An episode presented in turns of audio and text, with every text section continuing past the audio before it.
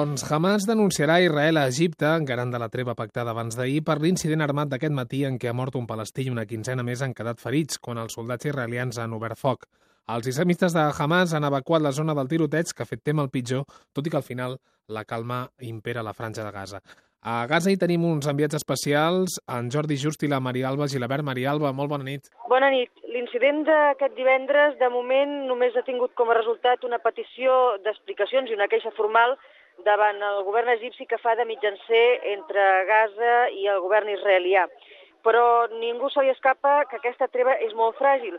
Precisament els carrers de Gaza, que avui presenten un aspecte normal, un divendres normal, hi ha molt de trànsit, hi ha gent als carrers, les botigues obertes i els cafès són ple de gent. Parlant amb els habitants de la franja, el sentiment generalitzat és que aquesta treva no durarà gaire.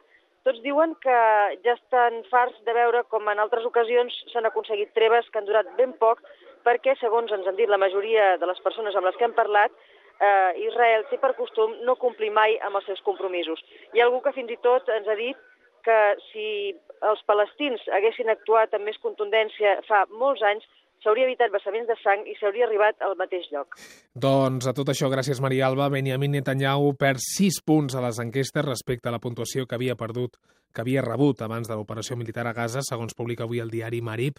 Malgrat la pèrdua de suport popular, el primer ministre d'Israel encara encapçala l'opció de vot de cara a les pròximes eleccions parlamentàries.